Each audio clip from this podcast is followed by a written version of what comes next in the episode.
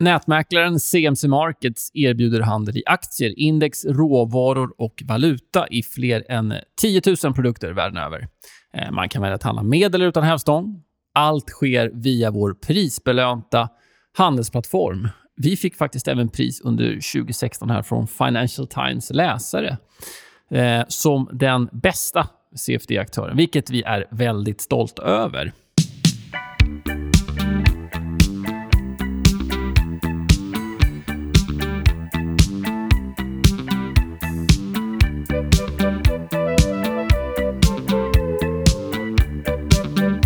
Då var det dags för avsnitt 18 av CMC Markets finanspodcast Björnfällan. Eh, jag som pratar nu heter Kristoffer Bergen och jobbar som analytiker här på CMC Markets. Och Jag har som vanligt med mig... Eh, ja, vad heter du? Nils Brovacke, analytiker på CMC Markets. Härligt att vara tillbaka in på det nya året. Yes. Äntligen. Vi har haft en liten paus.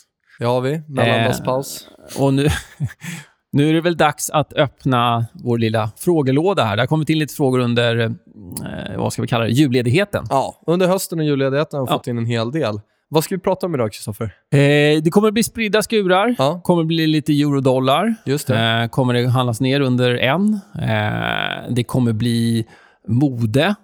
Jag vet att det är någonting som du brinner extra för. Modebonanza, ja, just det. Det stämmer bra.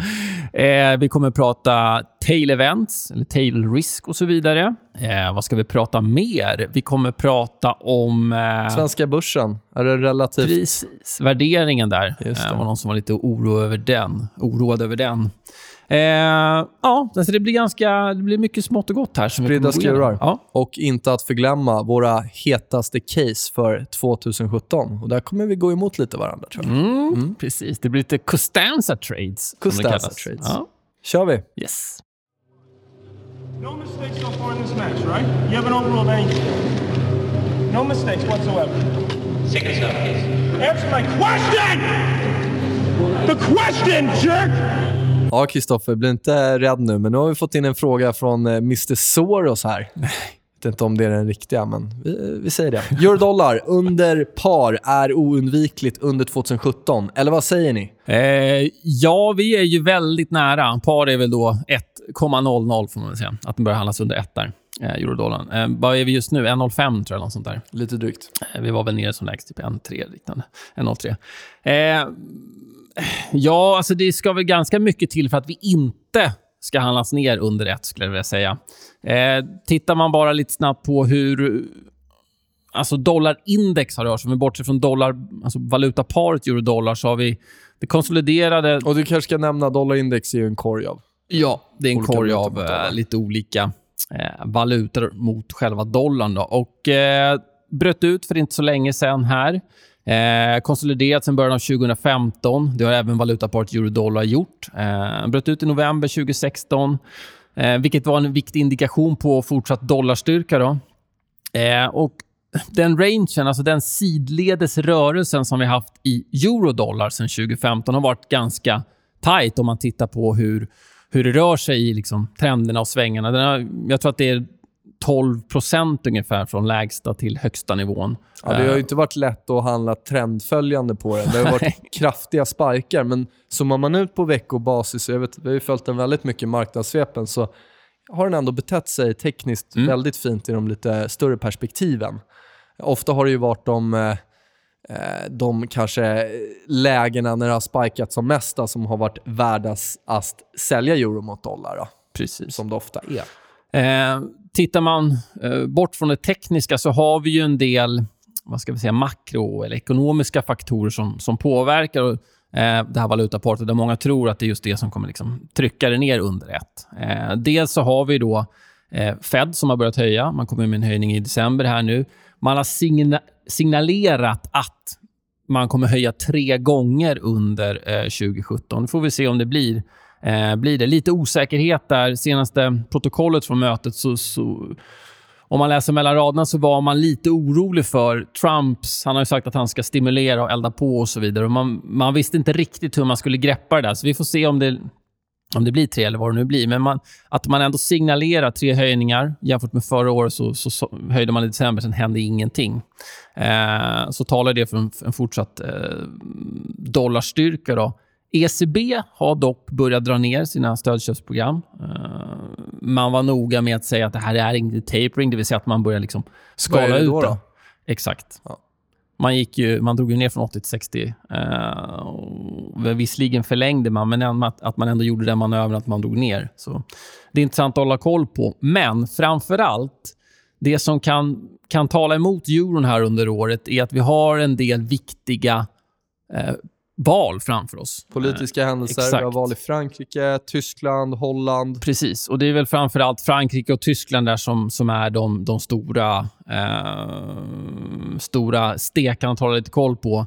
Trump svärs in här nu. Det är i slutet av januari, 20 januari. Visst, det kan väl ha en kortsiktig effekt på det hela, men jag tror att mer valen där i, i Frankrike och Tyskland blir väldigt viktiga. Vi har också en deadline för eh, England Brexit. när de ska börja skala ner och ta sig ur Brexit. Det är ju inte direkt kopplat mot liksom eurodollarn, men det finns ändå en liten risk-off, risk-on-känsla kring den, eh, att man nu ska börja montera ner eller Och montera ut. påverka flödena i valutan. Det Precis. precis. mycket. Eh, Rent tekniskt så, ah, vi har ju redan pratat lite om det där. Eh, stora konsolidering egentligen sedan 2015 på veckobasis. Men jag tycker, först kan man ju nämna att det har varit, de här predictions har ju stått som spön i backen. Jag tror Goldman Sachs har väl, har väl sagt par både 2015 och 2016. Blev det inte det, ändrade sig i slutet av 2016 och nu såg jag någon ny blänkare att nu ska det ner till par igen då. Druckmiller har väl senast varit ute och sagt 0,82. Vår egen valutastjärna Victoria Silvstedt pratade väl om par här under 2016 också. Men jag tycker generellt sett bara med de här eh, uttalanden så tror jag att det är viktigt att tänka på att vi vet inte vilka tidshorisonter vi pratar om och framförallt så gäller att göra sin egen analys där. Eh, och eh, eh, som vi sa har kraftiga spikarna upp i euron varit de bästa säljlägena för euro. Mm. Eh, som du säger så är vi ju väldigt nära par nu så att rent statistiskt så borde vi ju absolut kunna komma ner och, och söka oss ner däremot. Då. Frågan är väl om vi etablerar oss under eller om vi... Alltså att vi ska testa, det känns ju ganska oundvikligt. Det ska mycket Ja, till att vi bara alltså- drar rakt upp härifrån. Men Vi kan ha rekyl uppåt också om man tittar i grafen, men som det är nu och vi etablerar oss ner, då är det nog snarare om vi börjar söka oss ner mot par, då ska vi nog ta ytterligare en resa ner. Då tycker Precis. jag Druckenmillers 0,82 låter rätt intressant där. Men där får man vara försiktig. På kort sikt så skulle vi kunna börja spika uppåt också. Eh, om det kommer ordentliga svansar upp, då, då kanske man ska se det som perfekta eh, lägen att kliva på. Då. Sen ska man inte glömma bort den psykologiska effekten av att när vi väl, om vi nu gör det, vill säga, tar oss ner under ett så är det ju det är en nivå- som ganska många har laddat för och det finns väl då fler än vi som sitter och tittar på den. Ofta ska det skjutas upp och ner och trilskas lite och det kommer aldrig vara när alla förväntar sig att det går dit som, som det går dit, då, kan vi väl säga. Eh, Men det blir ett spännande år gällande politik och massvis med andra saker, som vanligt. Ja, och som alltid i en större konsolidering, och även om det här är en man säga, gigantisk konsolidering på över ett år, eller nästan två år nu, så då ska det ju bryta åt något håll. Så vi ska ju sätta en riktning, helt klart.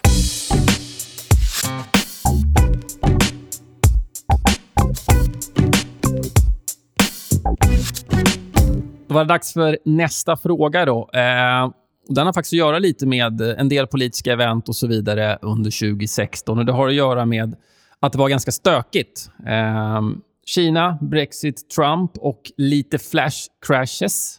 Pundet Eh, bland annat. Precis. Eh, klarade mig ganska bra i de flesta fall, men ibland gjorde det ont. ja. eh, när kommer nästa händelse? Frågetecken. Från Juan. Ja, men det kan väl du börja med att berätta då? Ja, eh, om två timmar. Nej. Nej, definitionen, jag kan ju ta mitt svar först. Definitionen av ett tail event är ju att vi inte kan se när det händer. Eh, Eller nästan ingen kommer förvänta sig när det händer. Då. Ehm, du har ju kollat lite på en vanlig metod för att mäta risk och kanske varför den inte är optimal för tail events. Ja, du tänkte på den här normalfördelningskurvan. Den, Ja, som eller VAR som Ja. mm, väldigt många där ute använder, men som jag och kanske många andra också menar på att inte alls är så bra. Den är lite fyrkantig, tror jag, för finansiella rörelser. Man kan kort säga vad det handlar om är att man försöker fånga alla egentligen rörelser inom den här normalfördelningskurvan, så som det så fint heter. Eh, och tail events uppstår, jag tror att det är när det, man rör sig tre standardavvikelser från normala rörelserna i den marknaden eller produkten som man tittar på. Problemet med den här, äh, det säger att 99,7% av alla rörelser ska hålla sig innanför eh, de här tre standardavvikelserna, eller tre sigma som det heter. Problemet är att normalfördelningskurvan har jättesvårt att fånga just de här tailsen, svansarna, där de stora rörelserna kommer. Eh, uppbyggnaden gör att det, är liksom, det blir helt fel.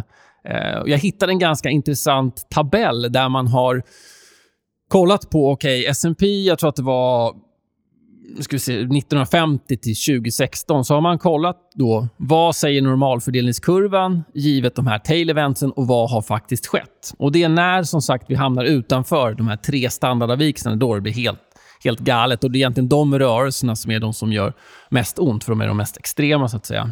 Om man kollar på till exempel då, tre standardavvikelser eh, så var det förväntat enligt då normalfördelningskurvan eh, 44 gånger då under den här tidsperioden. Men det inträffade 229 gånger. Ja, det är ju ganska många Det var jättenära. Tittar man på fyra standardavvikelser, eller fyra sigma som också kan säga det, eh, benämner, ja, då skulle det skett en gång under den här tidsperioden. Det skedde 98 gånger. Vad är tidsperioden? Eh, 50 till 2016. Och. Det är S&P's rörelse som man har tittat på. Då. Kollar man på fem standardavvikelser som ska inträffa då enligt normalfördelningskurvan en gång var 6900 år, Alltså typ aldrig. ja, så inträffade det 50 gånger. Ja, det visar ju bara att det här är mått som inte bör användas när det Nej. gäller eh, Eh, tail events. precis. Eller för att egentligen identifiera sådana scenarion i marknaden överhuvudtaget. Då. Jag tror att normalfördelningskurvan antar nog att liksom marknaden är normal och effektiv och så vidare, men den är ju absolut inte normal. Och Det där har vi varit inne på förut. Det är, vid sådana här händelser är det ju alltid folk som uttalar sig om att "Ja, men det här har aldrig hänt och eh, det är onormal marknad och det är fel marknad och så vidare. och så vidare. Men det är ju lite så det kommer vara. Mm. Eh, att eh, eh, Vi vet inte vad som ska hända. Det kommer alltid ske nya saker. Och, Och just de här kraftiga rörelserna, de är, de är ju faktiskt svåra att skydda sig mot, typ Brexit. Nu visste vi att det skulle vara en folkomröstning, så att det var inte överraskande på det sättet, men rörelsen i sig var extremt ovanlig. absolut. Och på kort sikt, eller vill du fortsätta där? Eh, nej, så. Nej, på, om, vi, om vi ska vara ärliga och kolla på 2016. Självklart var man rätt skakig. Jag vet att jag satt och spelade in en marknadsanalys precis efter, efter Brexit. Eh, och man påverkas ju såklart av de stora rörelserna, men har man gjort sin analys, man har identifierat nivåer som är signifikanta eller man kanske har ett bolag som man tror på. De här kortsiktiga stora marknadsrörelserna, eh, de ska inte färga ens analys då. Det här har varit de bästa lägena att kliva in i år, de här tail eventsen. Vi hade februari i botten, vi hade Brexit, vi hade Trump.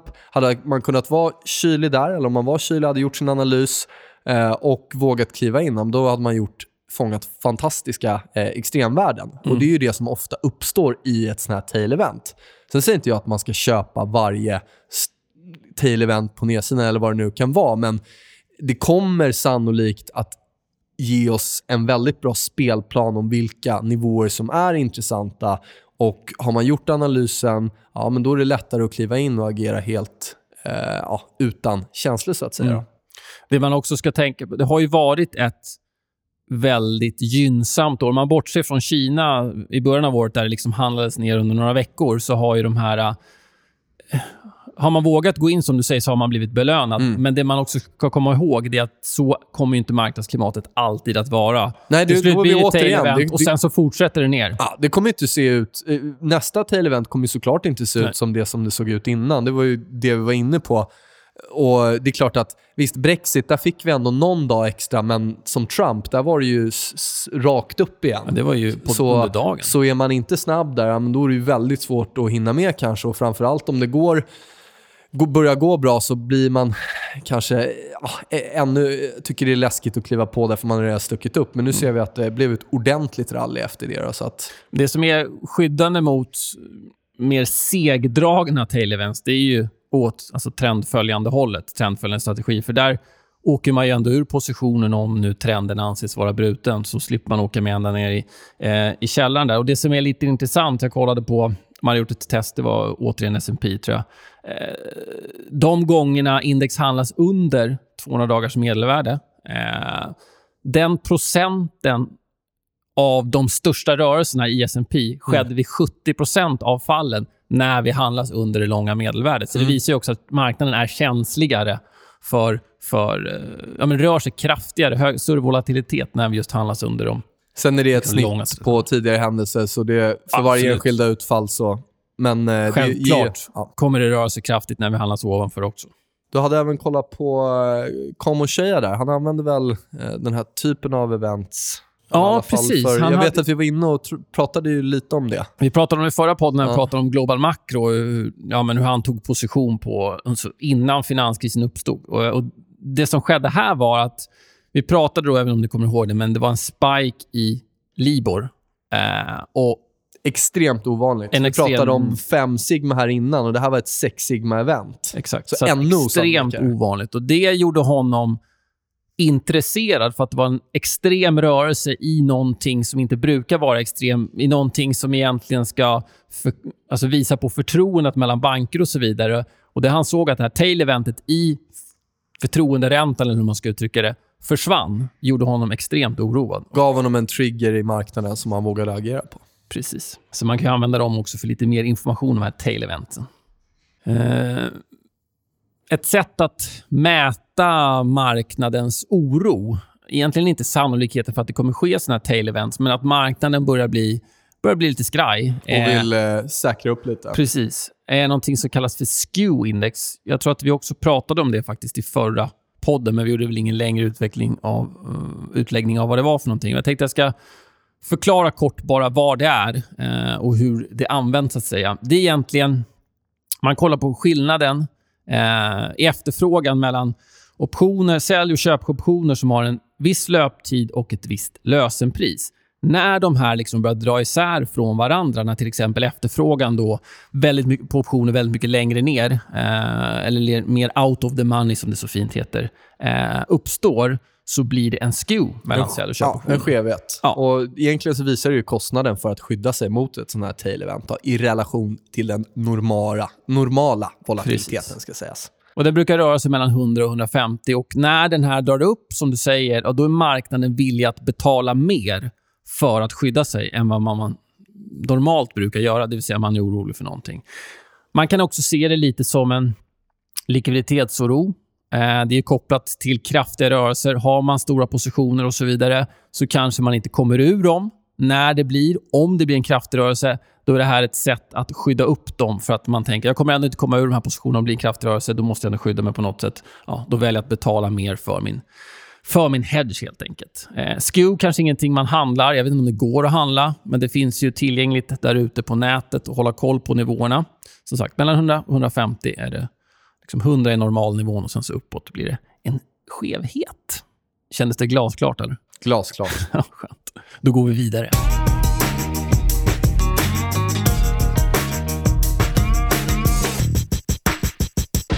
Hallå, Björnfällan. Hallå? Hej. Eh, Jag såg en bild på Twitter för några veckor sedan där svenska marknaden värderades högt. Cape på nästan 21. Är den svenska börsen övervärderad? Är den det, Kristoffer? Eh, ja, 10 000 kronors frågan. eh, kan jag nämna kort vad Cape är. Det är ett, ett, ett PE där man går på vinstgenomsnittet de senaste tio åren, så lite långsammare eh, än vanliga P-talet. Då. Alltså, man, först får man ju fråga övervärderad relation till vad. Snitt-Cape på svenska index ligger faktiskt runt 20. Eh, Och tittar vi rent indexmässigt så är ju faktiskt OMX nu laggar mot DAX och framförallt S&P. Då. Ja, S&P har klättrat upp ganska högt. Och Det har pratats om länge att det är övervärderat utifrån Cape, utifrån P och så vidare. Men det fortsätter ju att trenda uppåt. Så att, mm, det man ska också komma ihåg att trenden är ju faktiskt din vän, så att säga. Men det man kan ha i åtanke när det gäller just det här med värderingsbiten. Det som är intressant är egentligen då var vi ligger i relation till snittet. Sverige ligger någonstans mitt i mitten. Eh, om man tittar på ja, snitt runt 20, vi var, vad var vi idag? Runt 21. Eh, men kollar man framgent, om vi nu... Allt, alla såna här tester och så vidare görs alltid på S&P. Det ja, finns väl en förklaring till det. Men återigen, blickar vi på S&P och så kollar man på liksom avkastningen ja, men 1, 2, 3, 4, 5 år och så, och så vidare framöver i relation till var vi befinner oss liksom i värderingscykeln. Är vi långt under medlet är vi högt under medlet. Så är det så att ligger vi långt under, ja, men då kan man teoretiskt sett förvänta sig en högre avkastning kommande år. Det är ingen garanti för det, men teoretiskt har det varit så tidigare. Eh, ligger vi högt upp, ja, men då kan man förvänta sig en, en lägre avkastning. Ganska logiskt. Eh, Så det ska sägas med OMX också att den agerar ju som en, en emerging market-börs när det väl eh, går ner. Ofta. ja. Brukar gå ner mer, eh, brukar ofta komma, utflödena kommer lite snabbare också. Då. Så att, eh, det kan ju vara bra att tänka på. Det är ingen Vi- safe haven direkt. Nej, och vi är ju väldigt eh, korrelerade med bankerna. Så blir det en sättning i bankerna så påver- ja, generellt sett så påverkar det eh, svenska börsen väldigt, väldigt mycket. Då. Precis. Eh, och det man ska också ska komma ihåg med värderingar, när vi ligger högt upp, många blir ju sugna på att kanske korta då. Eh, alltså gå emot själva värderingen, att vi ska återgå till det normala. Men som jag nämnde, även om vi ligger jättehögt upp i relation till snittet så är det ingen garanti för att marknaden kommer krascha. Det är till och med liksom på, på ett, två års sikt så kan vi få en positiv börs trots att vi ligger i princip högst upp i ranges. Det är absolut ingen garanti för det. The market can stay stupid longer than you can stay solvent. Vem var det som sa det? Var det, Det har vi haft med förut, men det är ett av mina... Var det Ed Seykota? Nej. Nej, jag kommer inte ihåg, men det ska alla ha uppklistrat på datorn i alla fall. Vi, när vi pratar om det här med värdering så finns det... Jag läste en, eh, var en liten spännande artikel här för ett tag sedan. Då hade man tittat på Amazon, det här bolaget som typ alla älskar, framförallt i USA. Eh, värderingen på Amazon var som lägst, eh, det noterades 97 tror jag, men som lägst eh, efter finanskrisen. Då hade vi ett P på 34, vilket om man frågar mig i gemene man så känns det ganska högt. Snittat runt 100. Sen 97 fram till idag så är vi upp 38 000 procent. Det är okej ändå. Det är en ganska bra avkastning. Eh, 35% per år. Ja. Eh, Det hade varit lite tufft att försöka blanka den aktien trots att den då är, vad ska vi säga, liksom, man anser att den är högt värderad och så vidare.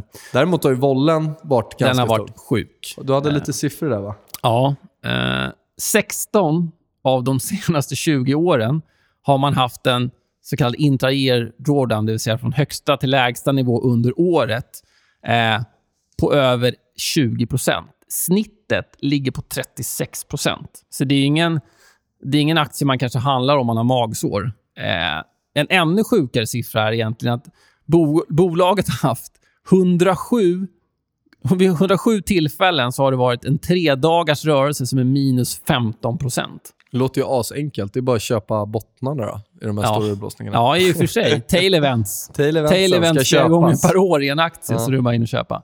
Eh, men det är så här, så länge marknaden vill att betala mer så kommer det gå upp. Så är det. Eh, därför säger man ju alltid att trenden är ju din vän. Eh, så att även fast någonting är sjukt övervärderat enligt din tro, enligt teori, whatever, så betyder det inte att det ska ner. Price action above all.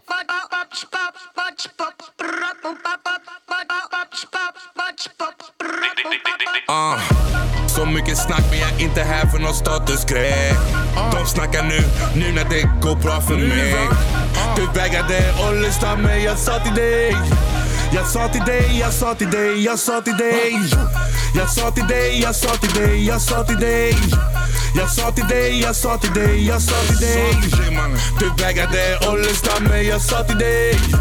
Jag sa till dig, jag sa till dig, jag sa till dig. Den där, den där, den där grejen som får vanligt folk i besvär jag svär, om det inte vore för rap jag hade varit där Den där, med dig redo att gå in på någon smash. Vi gjorde cash, sen vi dödade allt, nu vi tar balash Då var det dags för nästa fråga. Eh, har ni några roliga case inför eh, 2017? Ha det. Hälsningar Anders. Har du några roliga case? Absolut. Eh, som vi nämnde tidigare så tycker jag det är spännande när det tekniska ser väldigt, väldigt intressant ut och framförallt vi adderar det negativa nyhetsflödet. Och Ett sånt case är pundet. Eh, går att applicera mot flera valutor, men jag pratar om pund mot dollar idag. Eh, Efter flashcrashen i pundet har vi egentligen inte handlats under 1,21 som var min ja, signifikanta tekniska nivå där. Vi kan även dra oss ner mot 1,2 men kan köpare försvara de här nivåerna så ser jag en potentiell uppgång till lite drygt 1,43 då. Eh, drygt 20% upp. Eh, och där ska sägas att, eh, ja, börja ta det tekniska, men eh, kollar vi medierna just nu pratas otroligt mycket om Brexit och effekterna, det är väldigt, väldigt negativt. Eh, av de analyser jag läst så bör det inte ha allt för stor påverkan. Stort trade deficit eh, för UK mot, eh, mot Europa. Och eh, ja, Jag tycker att det känns klart överdrivet och sentimentet är så pass negativt. Så att, Sen får man ju självklart omvärdera, börjar vi bryta ner och så vidare. Där gäller det att vara lättfotad, men jag tycker det ser superspännande ut. Vi är Eh, ner runt 20 sen eh, Brexit. Ja, nästan lite mer faktiskt. Så att, så att eh, spännande case, pundet. Mm. Mitt andra case, oljan. Eh, på kort sikt tror jag faktiskt att vi kan ha en liten sättning ner mot 50. Jag vet att vi handlas vid signifikanta 53 här eh, nu för tillfället. Det har ju varit en tidigare signifikant nivå. Vi bröt över den i december. Eh, men innan det har vi egentligen inte handlats över den nivån sedan juli 2015. Eh, och ja, vi har ju Eh, faktiskt varit, eh, haft en bullish syn på oljan en längre tid. Men eh, kommer vi ner till 50 eller försvarar de här nivåerna, eh, då finns det mycket enligt teknisk analys som talar för en uppgång mot i första hand 60 då, 10% upp och sen även 70 om vi kan komma över där. Då.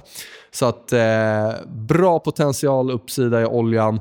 Men brasklapp där, vi har ungefär lite, lite drygt 7% ner potential innan den uppgången kan ske. Då. Du hade lite annan syn där på så? Ja, Ska vi ta det på en gång? Vi kan ta det på Mm. en gång. Eh, så kallade, de är lite roliga de här Costanza Trades. Mm. Eh, du vet vem George Costanza är? Jag vet, jag tror de kanske, eller de, många De flesta vet nog Ja. vem han är. Eh, Han är Jerry Seinfeld, det är en jävligt skön karaktär. Eh, I alla fall, han är ju ganska... Ja, livet går väl emot honom lite, sådär, men när han gör tvärtom så blir allting bra. Ja. Eh, så då tänkte jag att okej, då ska man gå emot det alla andra tror. Har man ganska bra Du pratar om den här pundgrejen. Det är en ganska bra grej. att Mm. är man, Går man mot konsensus, så om man får rätt så borde det finnas ganska bra potential. Du var, pratar lång olja. ja. Jag tänker kort olja. Från rådande nivåer eller? Ja, Ja. varför då? Nu har jag inga så specifika eh, nivåer fram och tillbaka, men jag tänker en, en försvagning. Tror du att oljan stänger under rådande kurs vid 53 i slutet av året? Alltså? Ja, enligt den här Constanza traden. Varför tror jag det? Jo, OPEC kommer fram till ett produktionsgolv. Mm. Men vi vet att OPEC har ju inte... De mötena och det man kommer fram till brukar inte flyta på utan eh, hinder, så att säga. Vad de säger kanske inte alltid spelar ut. sen, Nej. Och där något teoretiskt golv kring 50 eller liknande. Blir det turbulent där? För där man vill gärna roffa åt sig liksom sin egen... Vissa länder har fått dra ner mer i produktionen än vad man har velat och så vidare.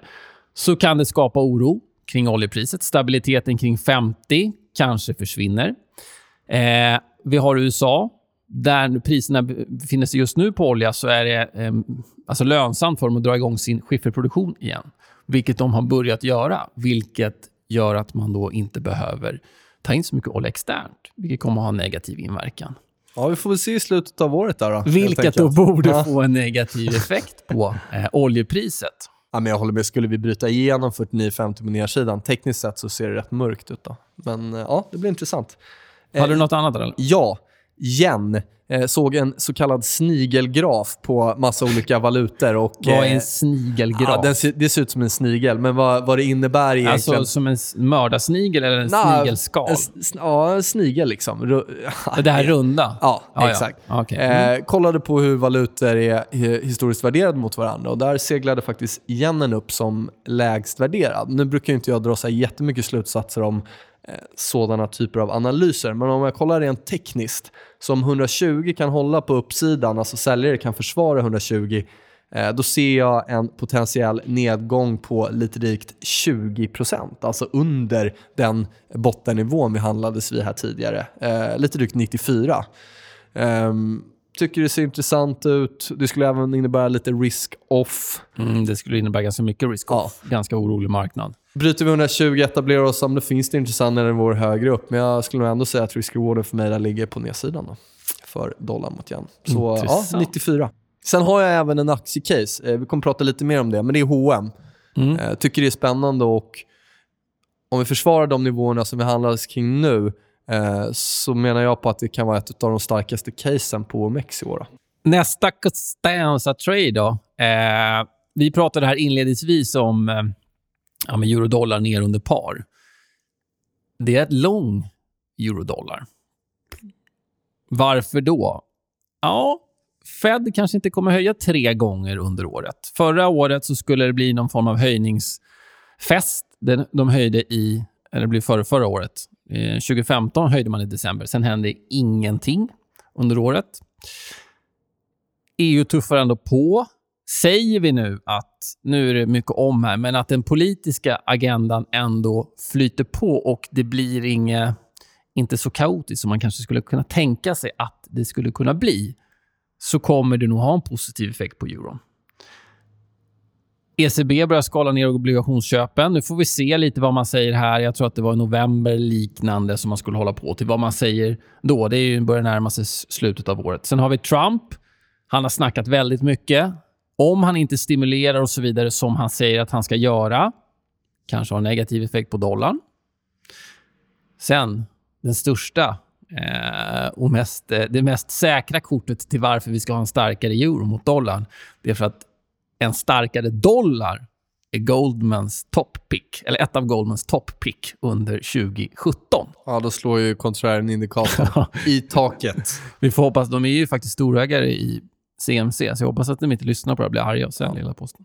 Ja, men vi, vi är objektiva. Ja, exakt. Bra. Eh, ytterligare fråga. Och vem var det här ifrån? Eh, jag vet faktiskt inte, men den Ras- han... Rasmus står det där. Rasmus. Eh, vad tycker ni om att försöka handla på nyheter, makro och bolagsspecifikt? Eh, kan det vara makrospecifika och bolagsspecifika nyheter? Det tror jag att det är det ja. han menar. Ja. Alltså jag ska... Man ska ju erkänna sina svagheter.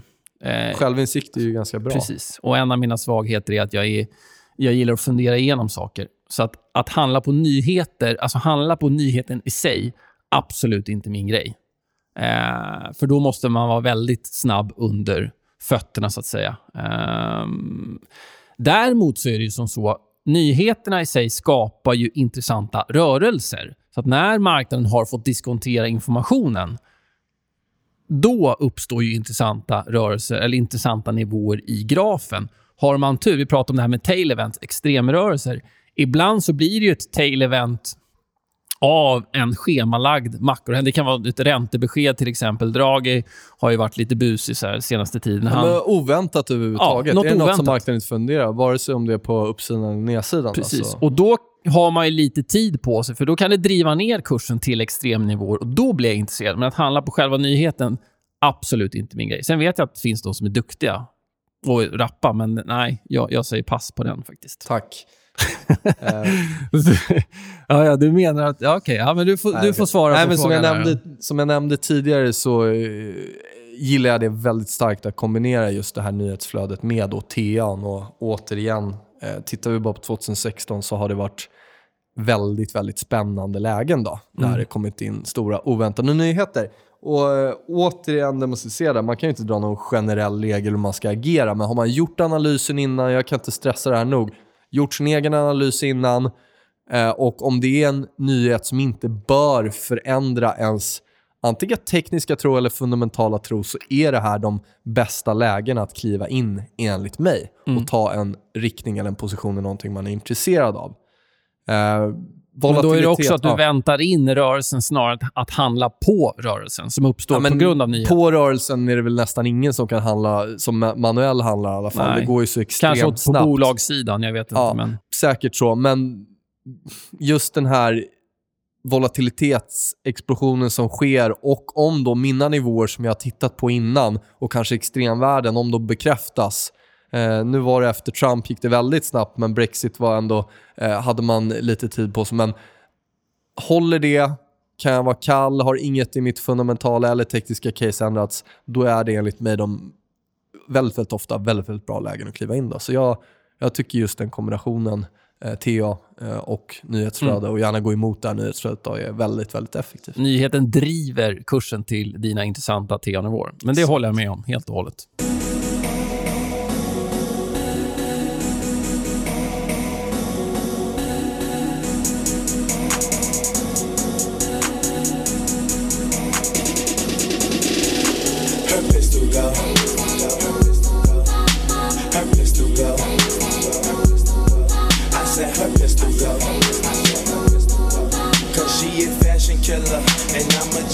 Nigga.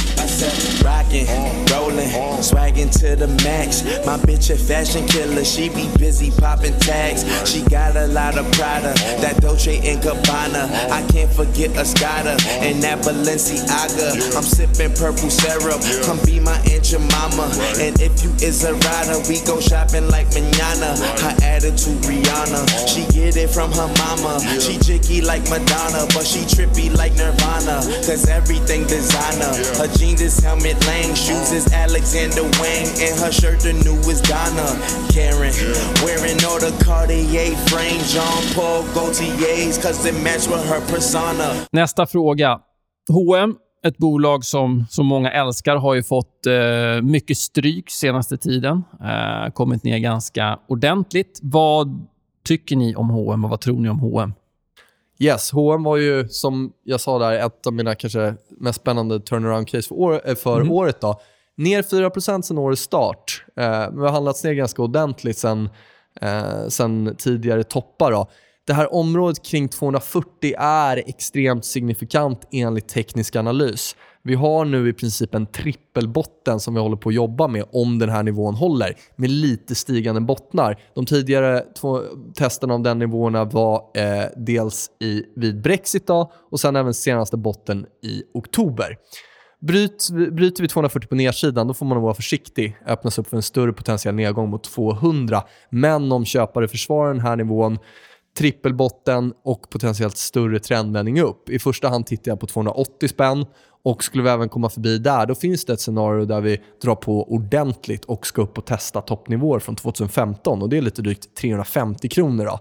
Så det är en rejäl resa, men det är på lite längre sikt. Cirka 40% upp och enligt mig då, tekniskt så är det här ett av de starkaste köpcasen. Återigen, bryter vi ner kring de här nivåerna då måste man kunna vända på, på foten och bli negativ. Då. Eh, fundamentalt så har ju stigande bomullspriser under både 2015 och 2016 eh, Eh, påverkat H&M har gått upp med lite drygt 30% sen bottrarna. Sämre kvalitet kanske det blir dyrare att köpa in eh, materialet. Kollar vi på bomullen så har den en viktig teknisk nivå, motstånd här vid 73. Om vi bryter upp genom den så öppnar det upp för en ytterligare uppgång på lite drygt 20%. Och det bör ju ytterligare påverka H&M då. Skulle vi snarare toppa ur här i bomullen och få en nedgång i bomullspriset, ja, men då är det bullish för H&M. Så det kan vara bra att hålla koll på. Eh, jag vet att Deutsche Bank kom in med en säljrek här den 3 januari. Eh, man är orolig för försäljningstrenderna i de här viktiga expansionsmarknaderna som H&M agerar i. Man fokuserar, ju väldigt mycket på att öppna nya butiker eh, i, i de här marknaderna. Det har väl varit deras starka... Det, är ju all, det skrivs ju alltid om hur många nya butiker man öppnar när det kommer rapporter. Det är, ju Det är liksom- lite som Ikea och nya varuhus. Exakt. Ja. Eh, man ställer sig frågan, är den här vari- varigheten av den här expansionen på medellång sikt, är den rimlig? Eh, sen vet jag också att det pratas lite om hur lätt det är att få in en ny vd, eh, storägare och även då eh, såklart barnbarn till grundaren av H&M. Mm. Eh, eh, nu Du säger jag, inte att han ska få flytta på sig? Nej, det säger jag inte, men det har väl... Ja, Ja, det har cirkulerat Ja. funderingar kring det. Ja, ehm, vi kom, det ska sägas också, med alla de här casen så kommer jag, eh, jag eller vi släppa ett marknadssvep med, så ni får hela tekniska vyerna. Ja. Ehm, kan bli lite svårt att hålla koll på alla nivåer här, men det, det kommer. Läggs upp på vår YouTube-kanal. Yes, marknadssvepen. Tänkte även kika på lite andra eh, modebolag då.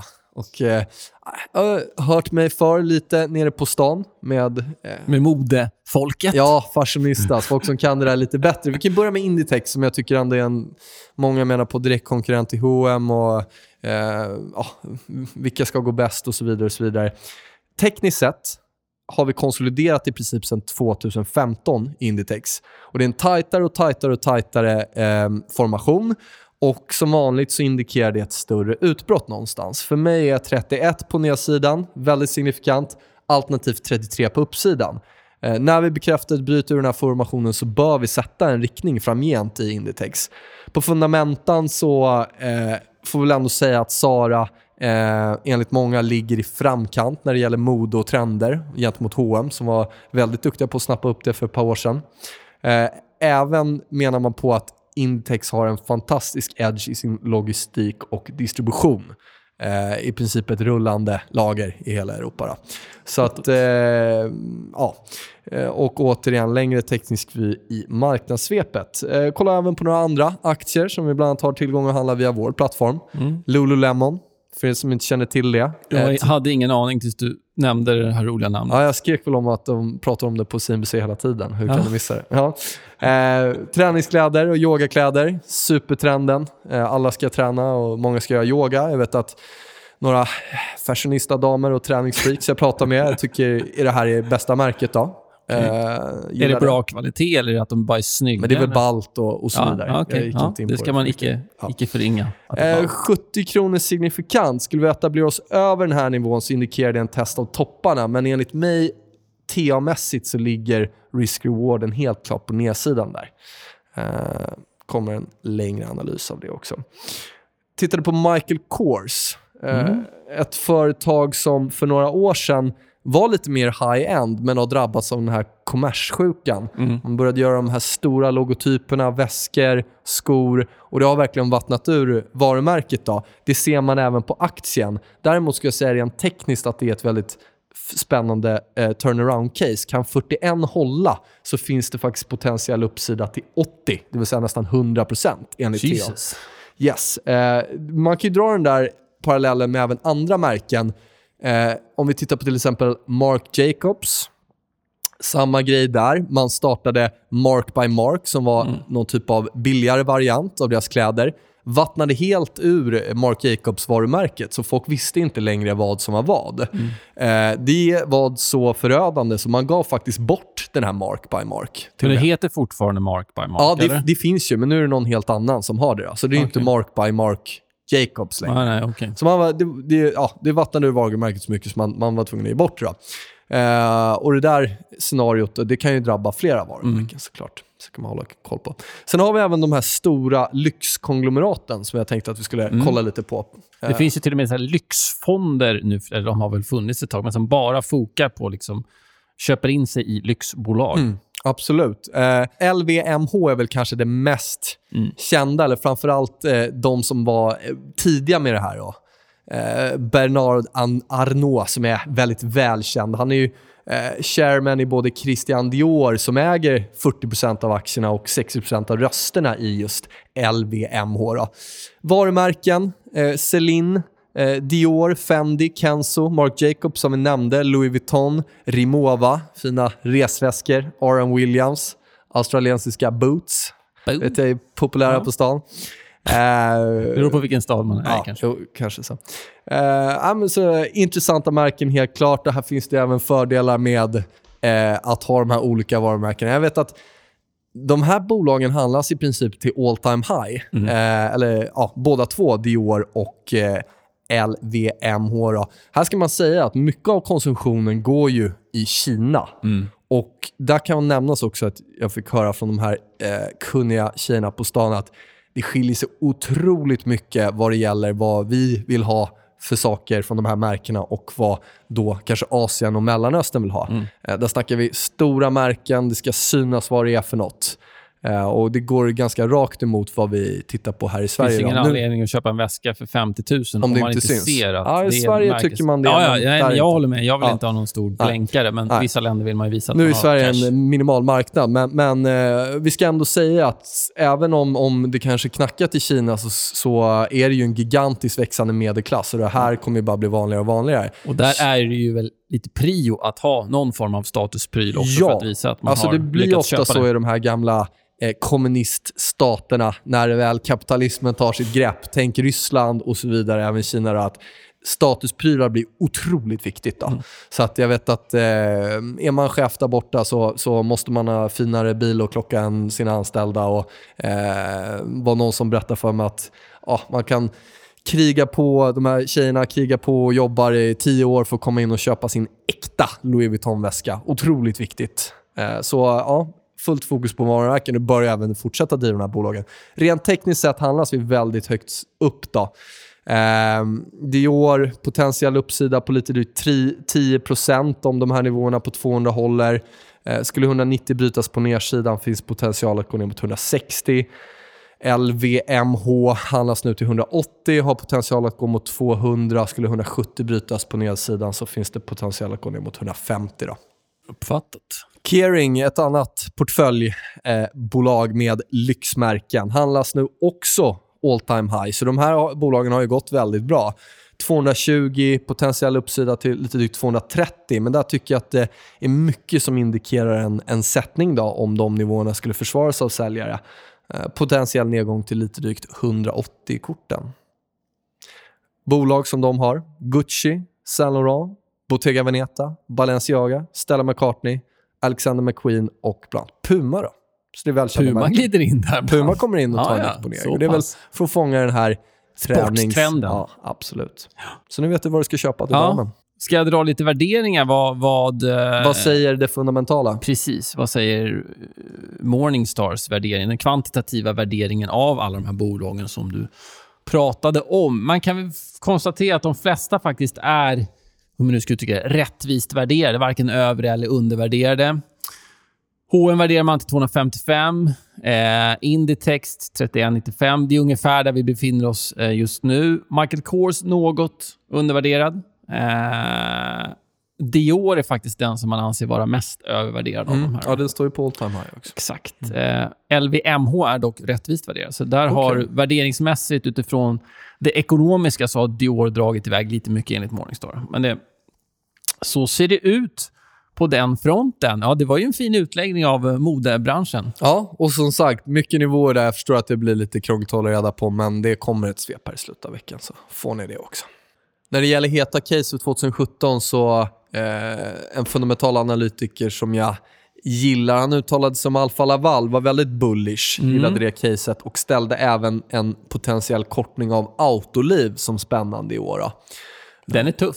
Ja, den är ju väldigt gillad och ligger högt upp. Men det kanske, då är det kanske dags att skicka Ja, exakt. Eh, var framförallt det här medan han på det överdrivna fokuset på... Aktiv säkerhet. Exakt. Mm. Folk kanske lägger lite väl mycket eh, potential i värderingen givet den. Alltså när det gäller den sektorn för Autoliv. då. Okej, kort Autoliv. Ja, mm. eh, jag gillar Autoliv, men jag kanske ska blanka den då. Som vanligt, allt vi pratat om här, här idag ska endast ses som information och inga köp eller säljråd, så det är viktigt att tänka på. Det är bara vi som pratar rent allmänt helt enkelt.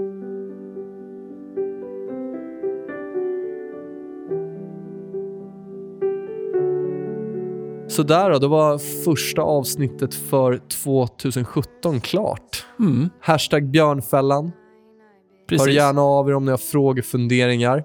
Vi kommer mata på med både intervjuer och fortsatt intressanta ämnen här under våren. Men har man... Fortsätta frågeavsnitt, så skicka gärna in Ja. frågor. Vi kanske inte tar upp dem i nästa avsnitt, men vi samlar på oss lite. Och sen så Det var några frågor som kommit in som vi inte hann svara på under det här avsnittet, så tar vi nästa gång. Så skicka på bara.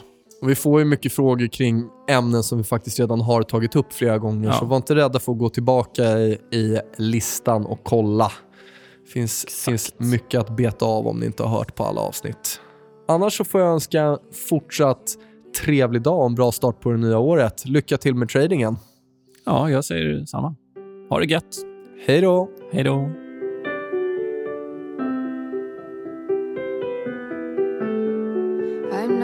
boy I used to be. This town's got the youth of me.